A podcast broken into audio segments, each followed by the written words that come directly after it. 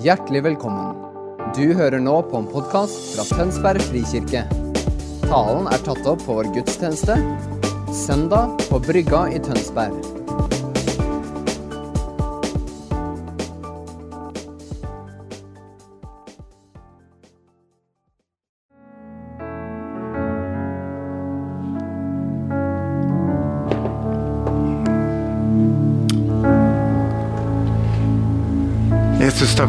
Søndag. Takk at vi kan samles i ditt nærvær. Takk at du er her ved din ånd etter ditt ord og løfte. Takk, Jesus, for at det er i deg vi lever og rører oss og er til. Det er ikke vi som definerer deg, men det er du og den du er, og det du gjør, som definerer, former og forvandler oss. Og Derfor så sier vi som menighetsfamilie velkommen, Jesus. Velkommen i vår midte. Gjør det du vil. Si det du har på hjertet ved ditt ord og ved din ånd til den enkelte.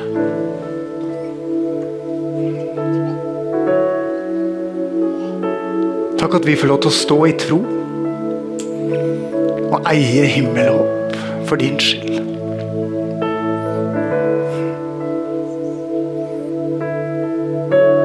Takk at ingenting kan skille oss fra himmelsk kjærlighet fordi vi er i deg, Jesus. Takk at det er mer sant enn alt annet. Og så lenge vi lever her og nå, Jesus, så er din agenda og vårt mål å likedannes med deg. Og du gjør det ved ditt ord og ved din ånd i hver og en av oss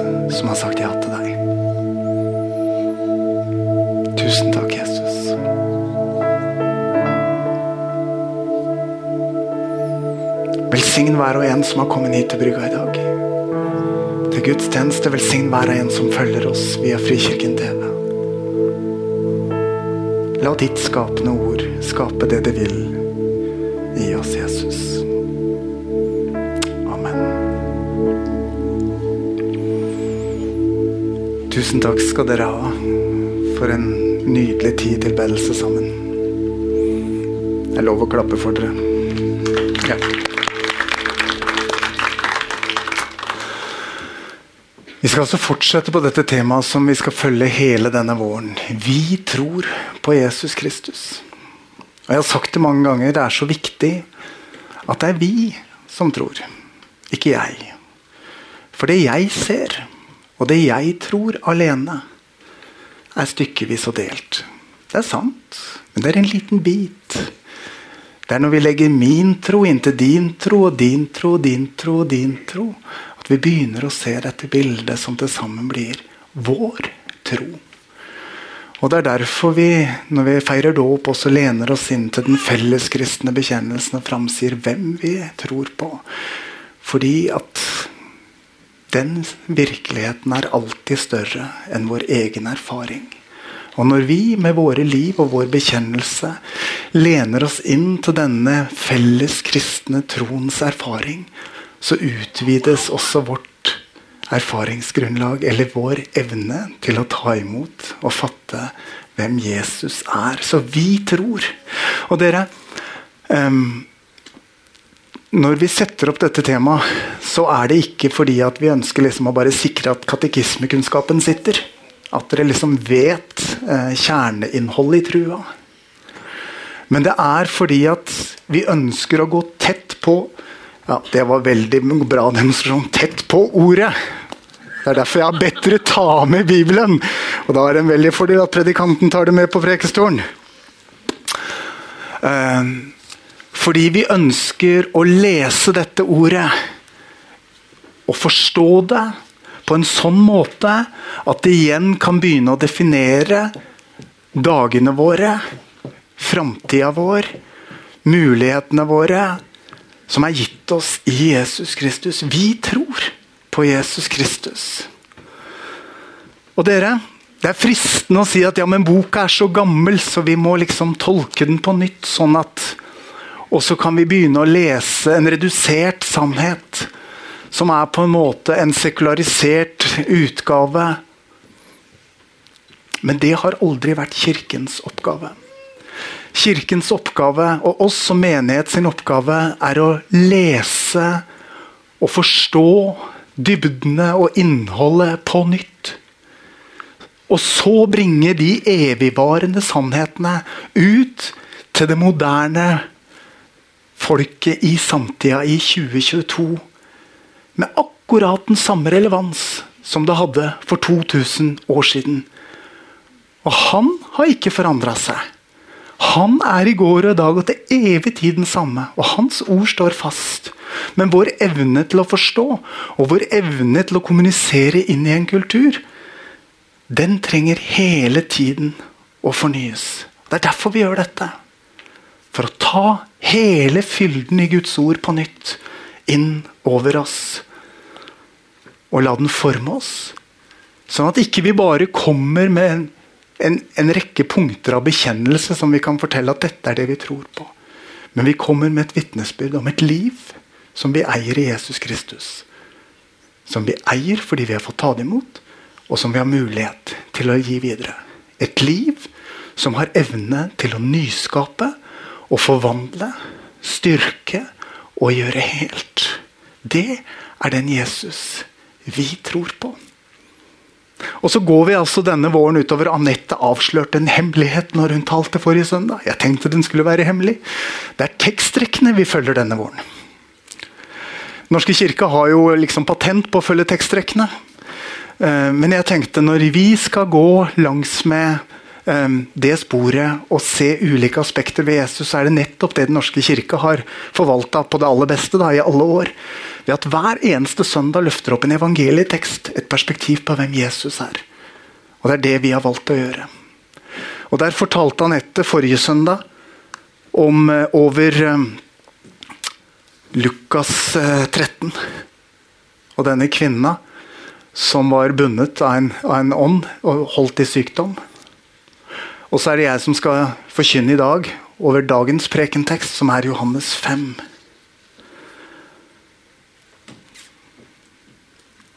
Både denne søndagen og forrige søndag så er det nettopp Jesus Kristus som helbrederen som trer fram. Og dere, jeg har ikke noe ønske om å overtale noen av dere til noe som helst. Mitt ønske er å undervise på en måte som jeg håper kan overbevise om hva som er sant og rett. Men mitt mål med undervisningen denne morgenen er ikke at noen av dere verken skal skifte posisjon eller ombestemme dere eller bråbestemme dere, men at dere tar imot den undervisningen jeg gir. Leser tekstene, grunner på de, prøver det og ser om ikke noe av det jeg underviser i dag, gir en bibelsk basis for å stå sunt og sant i relasjon til Jesus, også på det aspektet som handler om helbredelse. For når vi går inn i det landskapet, dere, så trår vi inn i et landskap som er personlig, og som er sårt, og som er vart. Fordi at det er ingen som har levd en stund, som ikke har personlig erfaring med sykdom enten på egen kropp eller i nær familie. Og plutselig blir det veldig eksistensielt. Men som kirke, dere, så er det alltid sånn at vi anerkjenner erfaringen.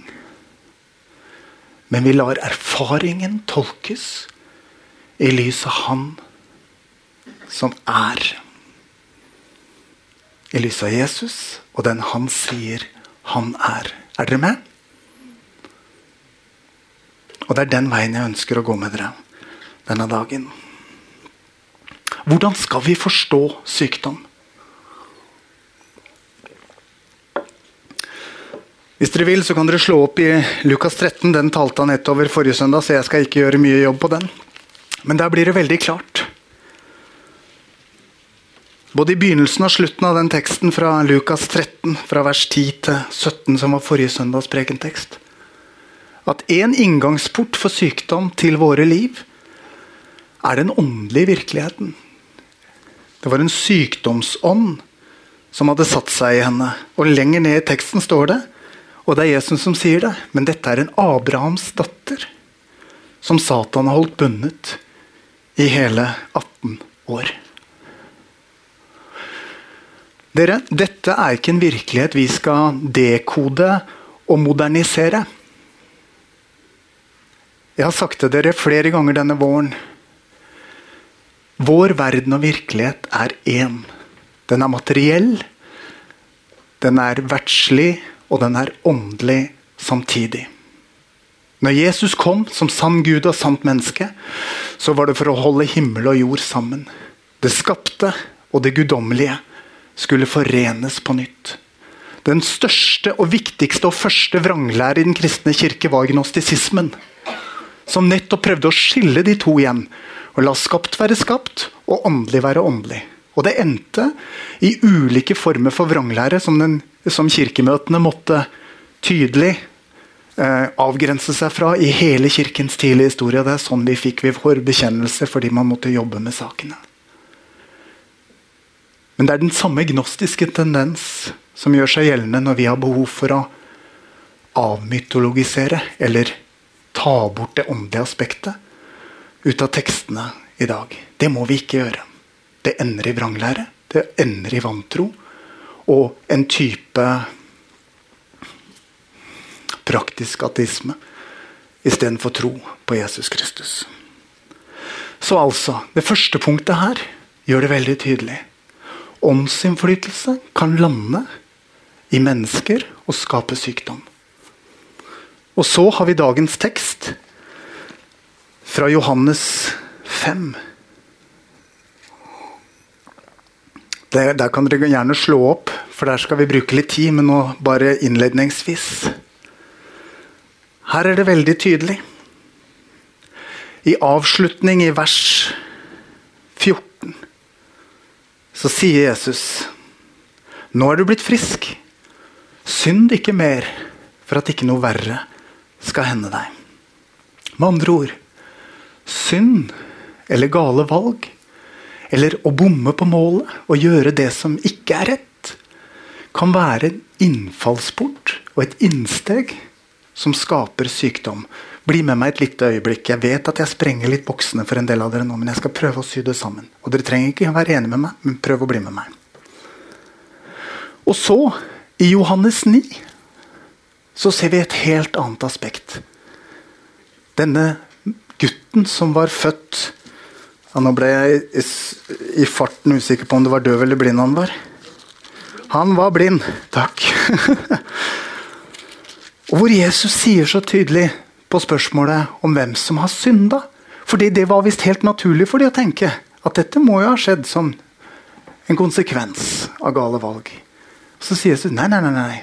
verken han eller hans foreldre har synda. Dette skjer for at Herrens herlighet skal åpenbares. I den teksten ser vi det som vi er aller mest vant til å forholde oss til.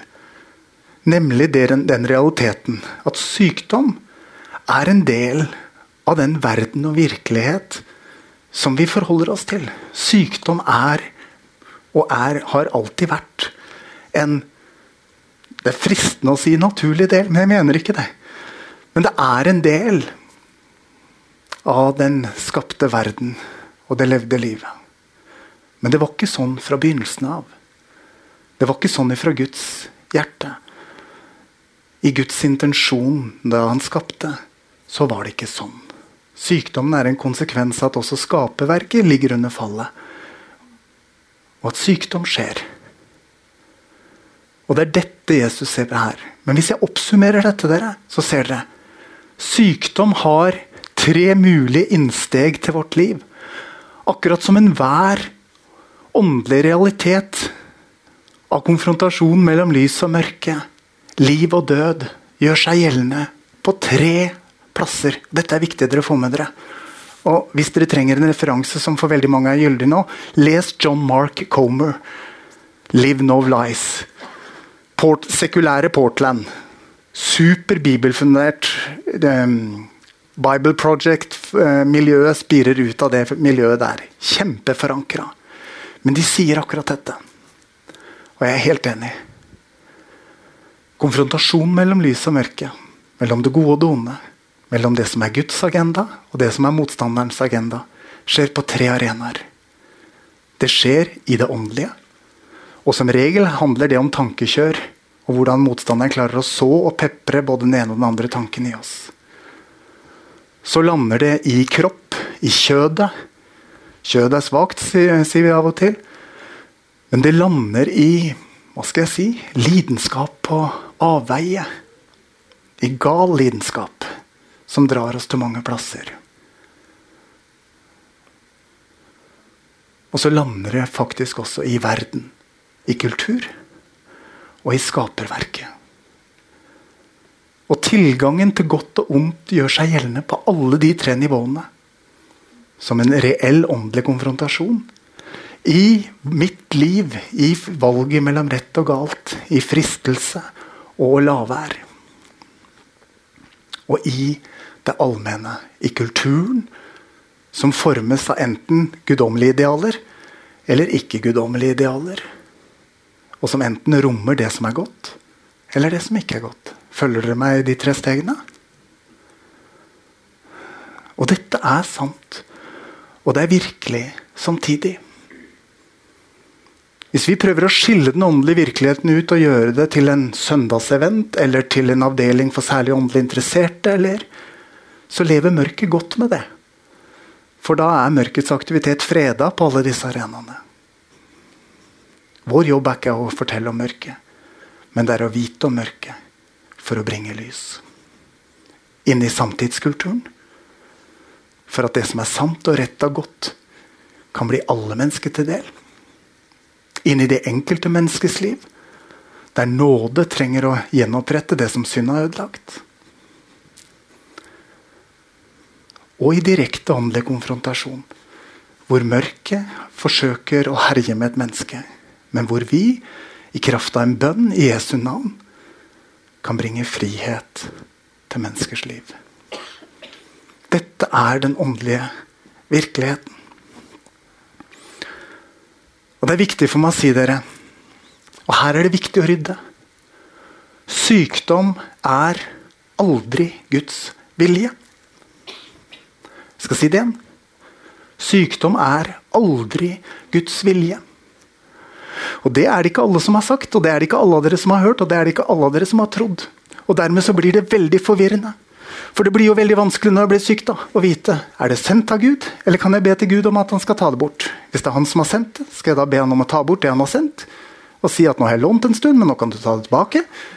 Hvordan henger da dette sammen? Dere, Den tankebygningen er tankebygning som tårner seg opp imot kunnskapen om Gud andre kor ti. Og må tas til fange. Gud sender ikke sykdom. Gud bruker ikke sykdom. Gud vil ikke sykdom. Gud skapte ikke sykdom. Men han kan vende alle ting til det gode. Men avsender og adresse for sykdom kommer alltid fra kjelleren. Det kommer alltid nedenifra. Det er alltid død av natur. Mørke av natur. Er dere med? Det går ikke an at lysets far sender mørke for at det skal bli litt lyst.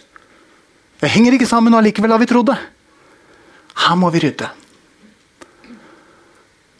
Ikke all sykdom er åndelig.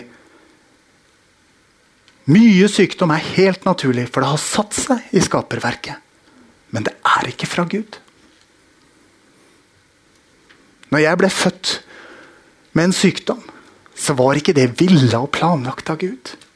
Det er en del av skaperverkets skrøpelighet. Og når vi rydder opp her, så blir det lettere å bevege seg sammen med Jesus. I tro på at han kom til verden for at verden skulle ha liv.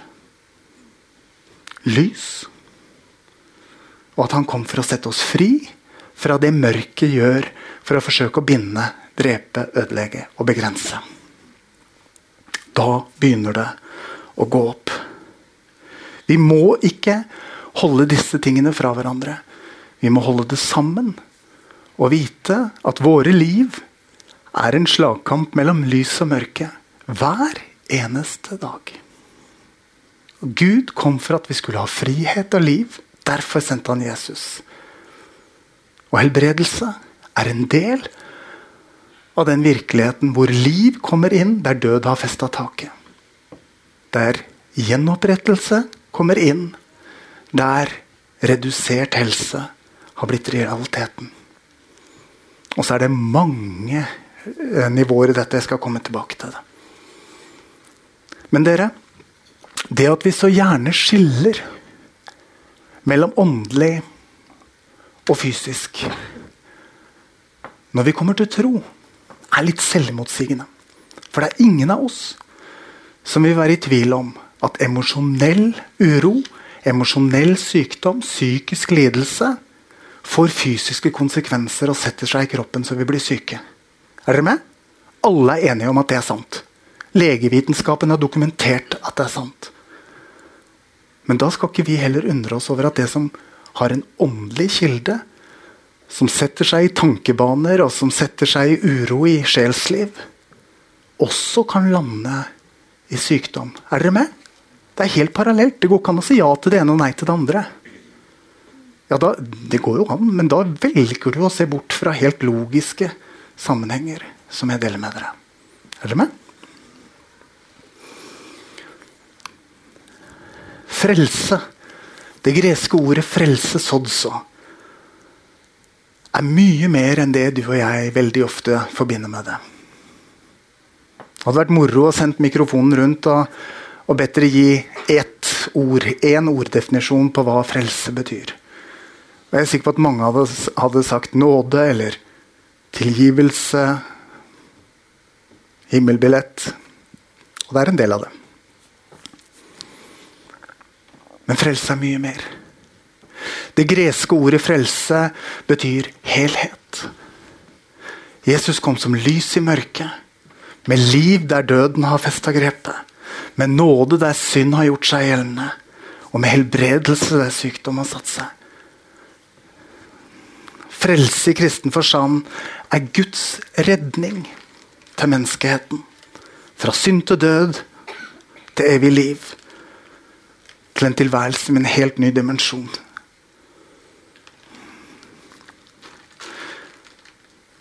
Den kirken jeg vokste opp i, Den norske kirke, har skrevet et helt dokument om kirken og helse. Og Jeg fant noe her som jeg har lyst til å lese for dere. Bibelen forstår helse som et helhetlig og relasjonelt perspektiv, og helbredelse blir framstilt som en prosess som gjenoppretter sammenheng og helhet. Å være syk handler derfor om noe mer enn å være rammet av konkret sykdom som kan bestemmes ved hjelp av diagnose. Den subjektive erfaringen av smerte av å bli satt ut av spill, både fysisk, mentalt, sosialt og åndelig, er vel så viktig. Blinde og svaksynte er ikke syke, de har til nød en øyensykdom. Likevel kan de oppleve å være satt ut av spill. Helbredelse er å bringe helhet igjen til det sykdom har forårsaket av sår og skade. Og så fortsetter det videre. Og jeg, jeg, tenker dette har jeg lyst til å ta med. For dette slutter jeg meg helt til. Det er en helhet. Når Jesus kom som helbreder, så var det for at vi skulle få tilgivelse for synder. Gjenopprettelse for nederlag. Håp for framtida. Og helbredelse der sykdom har ødelagt og bundet og redusert. Jesus kom for å gjenopprette. Alt ble lagt under hans føtter for at han skulle få makt til å gjenopprette alt. Mørkets fyrste ble bundet, leser vi.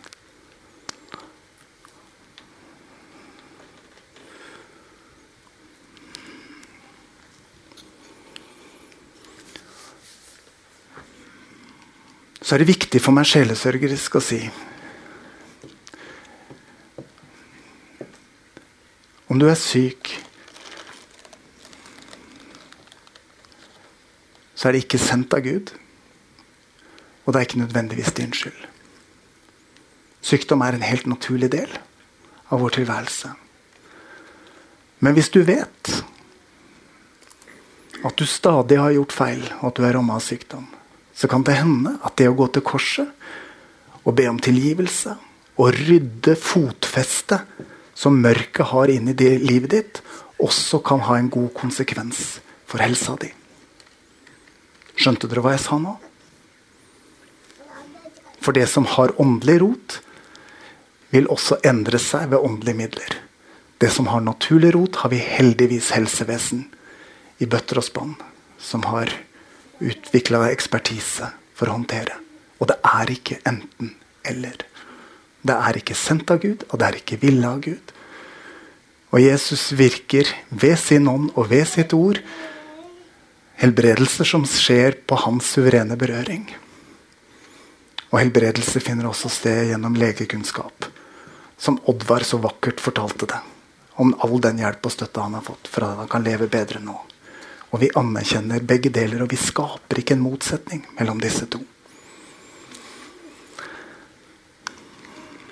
Så til hovedteksten. Jeg skal lese den for dere. Og gjøre et par perspektiver ut fra den. Vi slår opp i Johannes 5, fra vers 1. Etter dette kom en av jødenes høytider, og Jesus dro opp til Jerusalem. Ved saueporten i Jerusalem ligger det en dam som på hebraisk heter Betesta. Den er omgitt av fem bueganger, og der lå en mengde mennesker som var syke, lamme, blinde, lamme og uføre. De ventet på at vannet skulle komme i bevegelse, for en engel fra Herren steg fra eh, tid til annen ned i dammen og rørte opp vannet. Den første som steg ned i dammen etter at vannet var blitt rørt opp, ble frisk uansett hvilken sykdom han hadde. Det var en mann der som hadde vært syk i 38 år. Jesus så han ligge der og visste at han hadde vært syk lenge, og han sa til ham, 'Vil du bli frisk?' Den syke svarte, 'Herre, jeg har ingen som kan få meg ned i dammen når vannet blir rørt opp.' 'Men når jeg kommer fram, går alltid en annen uti før meg.' Da sier Jesus til ham, 'Stå opp, ta båren din og gå.' Og straks ble mannen frisk, og han tok båren sin og gikk. Men det var sabbat den dagen. Og jødene sa til ham, som var blitt helbredet, det er sabbat. Du har ikke lov til å bære båren. Han svarte, han som gjorde meg frisk, sa ta båren din og gå. Hvem er det mennesket som sa du skulle ta den og gå? spurte de. Han som var blitt frisk, visste ikke hvem det var. For Jesus hadde trukket seg unna. Det var så mye folk der. Senere fant Jesus mannen på tempelplassen og sa til ham, nå har du blitt frisk. Synd ikke mer, for at ikke noe verre skal hende deg. Og Mannen gikk da og fortalte jødene at det var Jesus som hadde gjort ham frisk.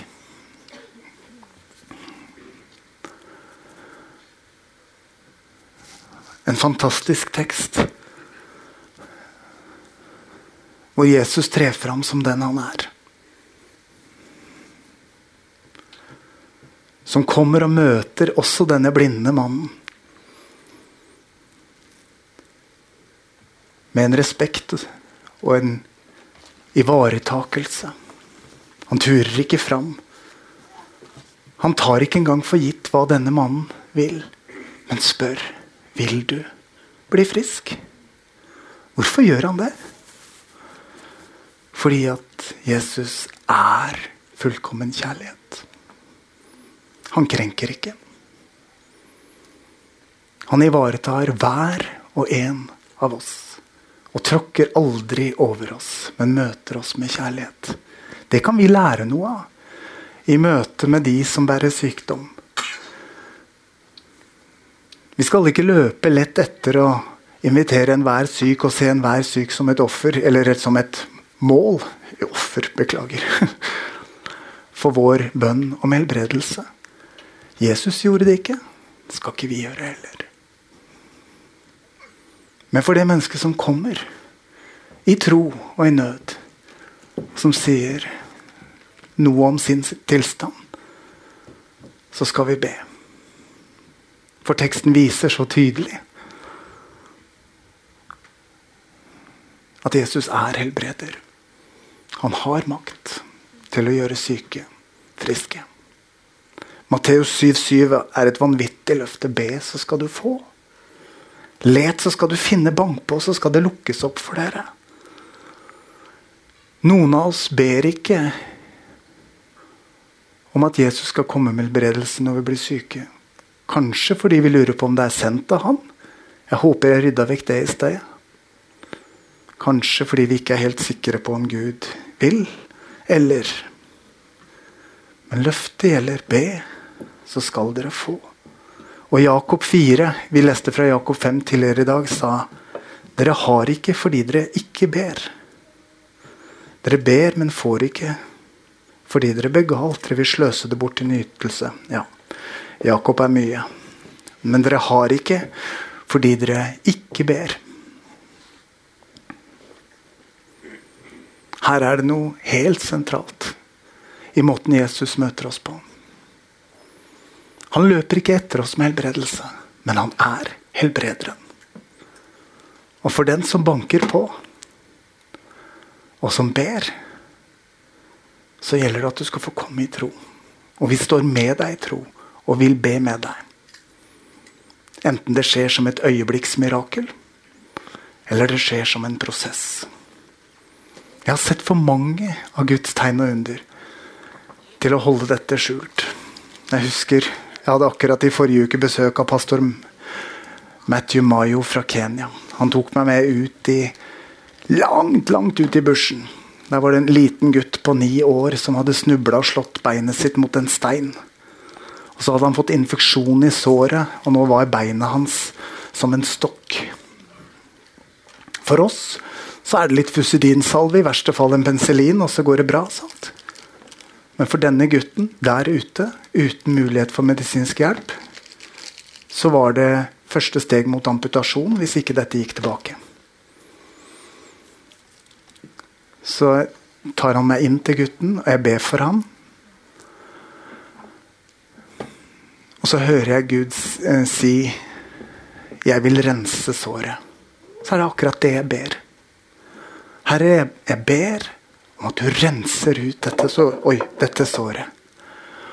Og foran øynene på meg så begynner det bokstavelig talt å renne. Det var som å skru på en kran, og så renner det verk ut av det såret mens jeg ser på. Og jeg fortsetter å sitte der og be helt til det slutter å renne.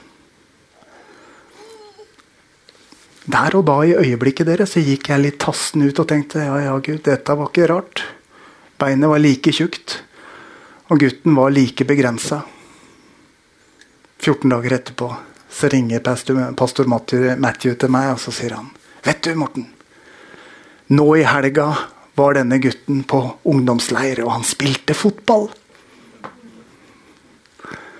Fordi betennelsen var gått bort, og benet var hela.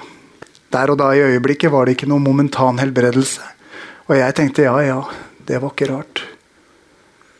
Jeg hørte akkurat nå når han var her for en uke siden. Nå er gutten 21 år og gift. Han har et liv. Det var bare en hevelse i et bein. Ikke så mye for en nordmann. Men for en kenyaner som er helt avhengig av å være arbeidsfør for å kunne brødfø seg og ha en framtid, så var det forskjellen på å leve som tigger og krøpling og få en framtid og liv. Dere, Jesus kommer for at vi skal ha liv. Og der død og sykdom setter seg på oss på, på ulikt vis, så har vi mulighet i Jesu navn til å bringe legedom.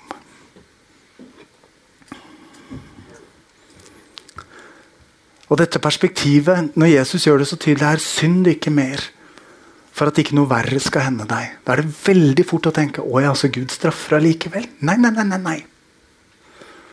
Men hvis vi gjør gale valg veldig lenge, så ender det med dårlige konsekvenser.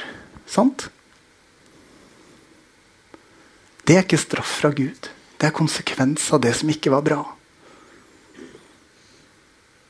Hvis du har et problem med alkohol og du drikker veldig mye, så vil det gå utover levra.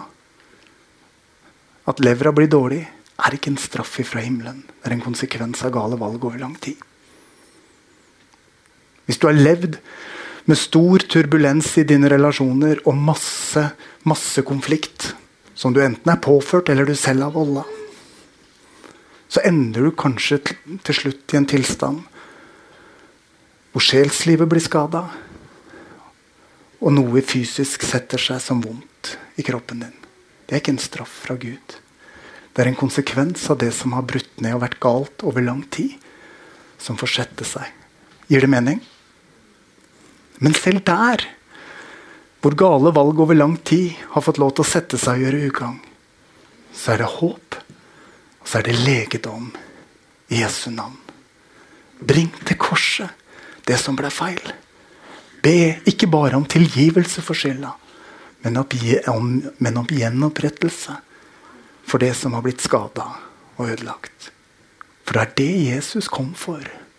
For at vi skulle ha liv og overflod. Og alt i relasjon til Gud, dere, er nåde. Nåde og gave. Alt i relasjon til Gud er ting vi tar imot. Livets gave i seg sjøl. At vi får lov til å tro og kalle oss kristne, ja, det er jo en gave.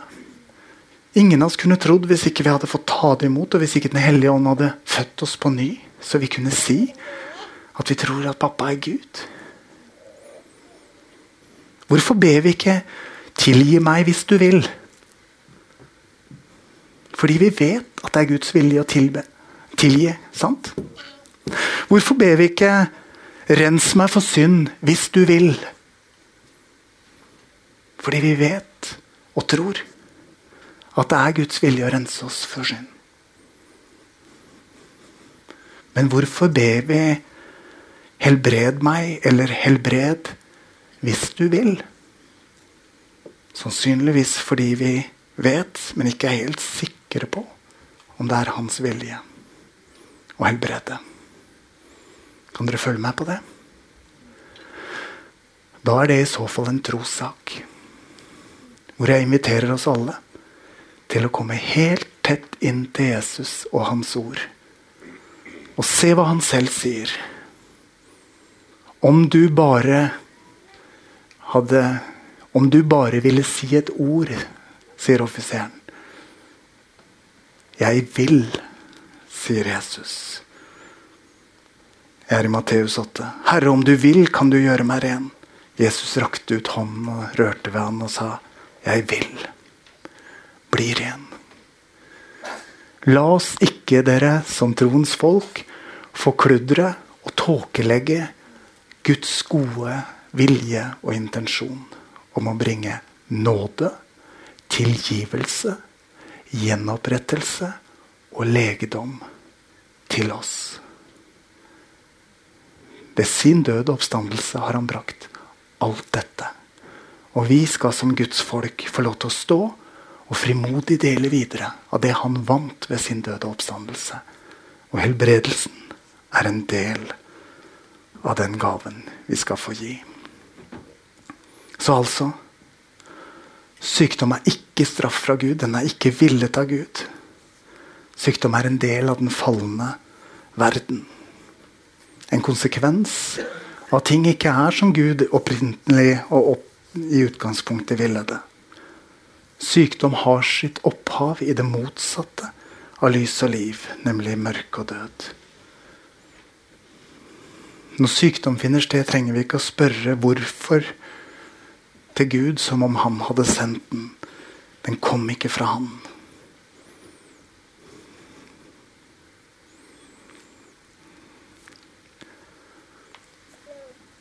For de aller, aller fleste så er sykdom en del av virkeligheten som vi forholder oss til.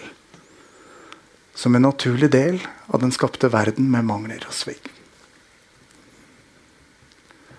Men jeg har løfta opp i dag at det fins to andre aspekter vi må ta på alvor.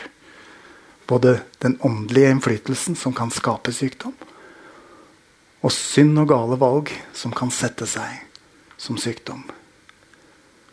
Og for alle tre nivåer er det frihet og legedom i Jesu navn. Og de som ber, de må vi trene så de skjønner hva som er hva. Der helt naturlig sykdom finner sted, så skal vi sende de til legen. Men der legen ikke finner noen feil, og du likevel kjenner deg syk eller redusert, så kan det hende at det er en annen årsak som bare bønn i Jesu navn kan gjenopprette. Og vi vil ikke holde det tilbake fra noen.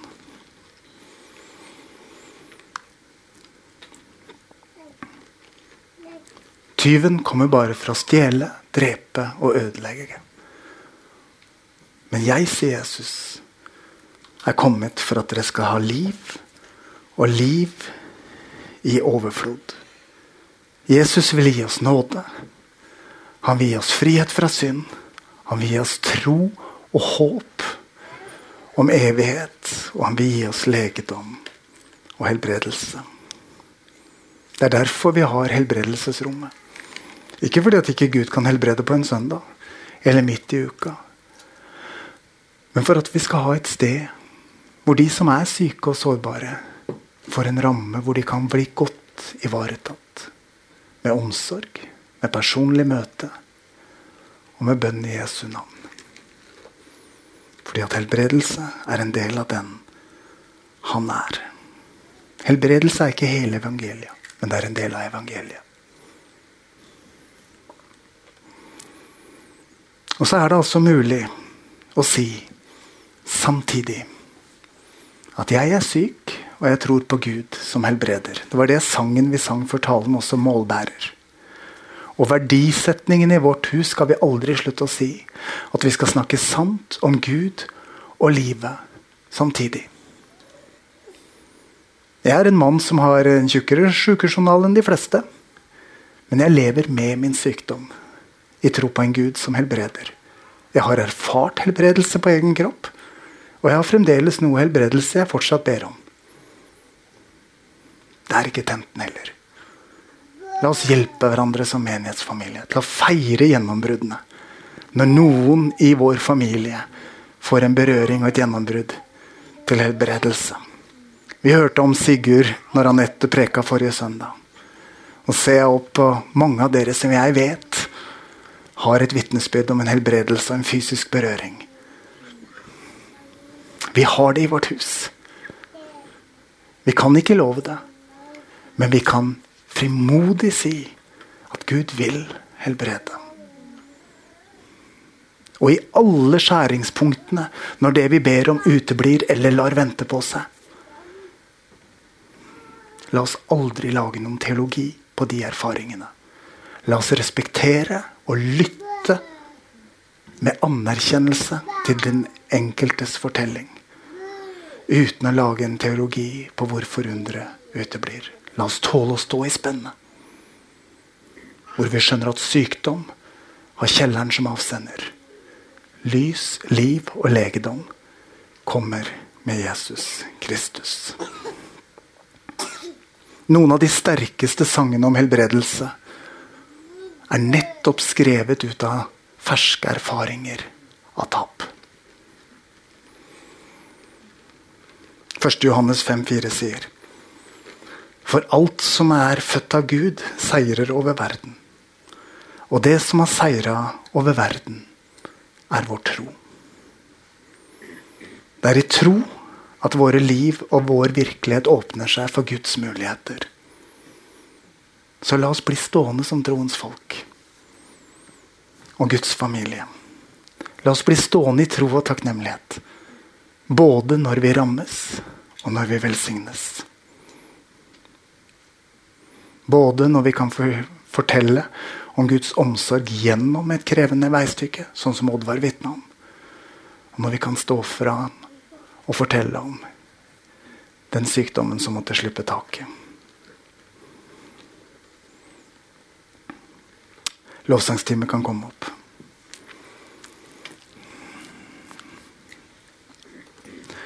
Da har jeg undervist mer enn nok. Men jeg har undervist det jeg hadde på hjertet. Jeg håper at det landa på en måte som ble til større forståelse. Jeg håper at jeg har fått brakt fram noe av det som er sant i Guds ord. Og så er jeg mer enn gjerne i samtaler med en eller flere av dere. Om den prosessen dere trenger å gå for at dette skal lande på en måte som dere kjenner er sant, og hvor dere kjenner dere ivaretatt.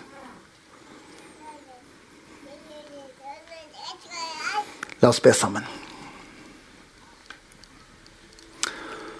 Herre Jesus, takk at du kom for at vi skulle ha liv, og liv i overflod. Jesus, vi tror på deg. Jesus Kristus helbreder. Du er I tillegg til alt annet du er, så er du også det den som kommer med legedom. Og Derfor så ber vi deg, Herre Jesus, må du utvide vår tro og vår forventning, så vi kan ta imot ifra deg. Den gaven som også det er.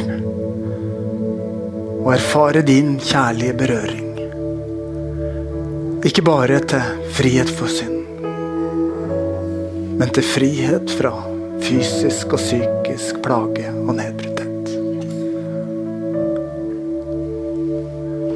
Herre, la oss få lov til å leve som menighet i din livsstrøm. Hvor du bærer, hvor du gjenoppretter, og hvor du styrker våre liv. Herre, la våre liv få lov til å være vitnesbyrd om din godhet, din trofasthet. På alle måter. Og Jesus, der vi står fast i det som er vondt i det som er vanskelig, så ber vi kom med trøst, kom med håp og kom med tro. Og gi oss nåde, Jesus, til å åpne oss for dine muligheter. Der de naturlige begrensningene er så tydelige. Takk at ingenting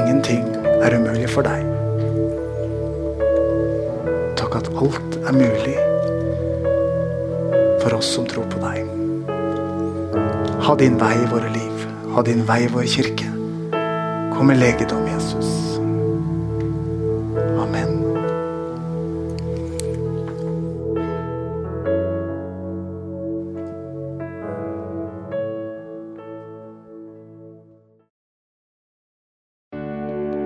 Takk for at du hørte på vår podkast.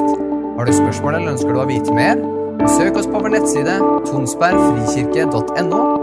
Du er også velkommen til kirke på Brygga i Tønsberg.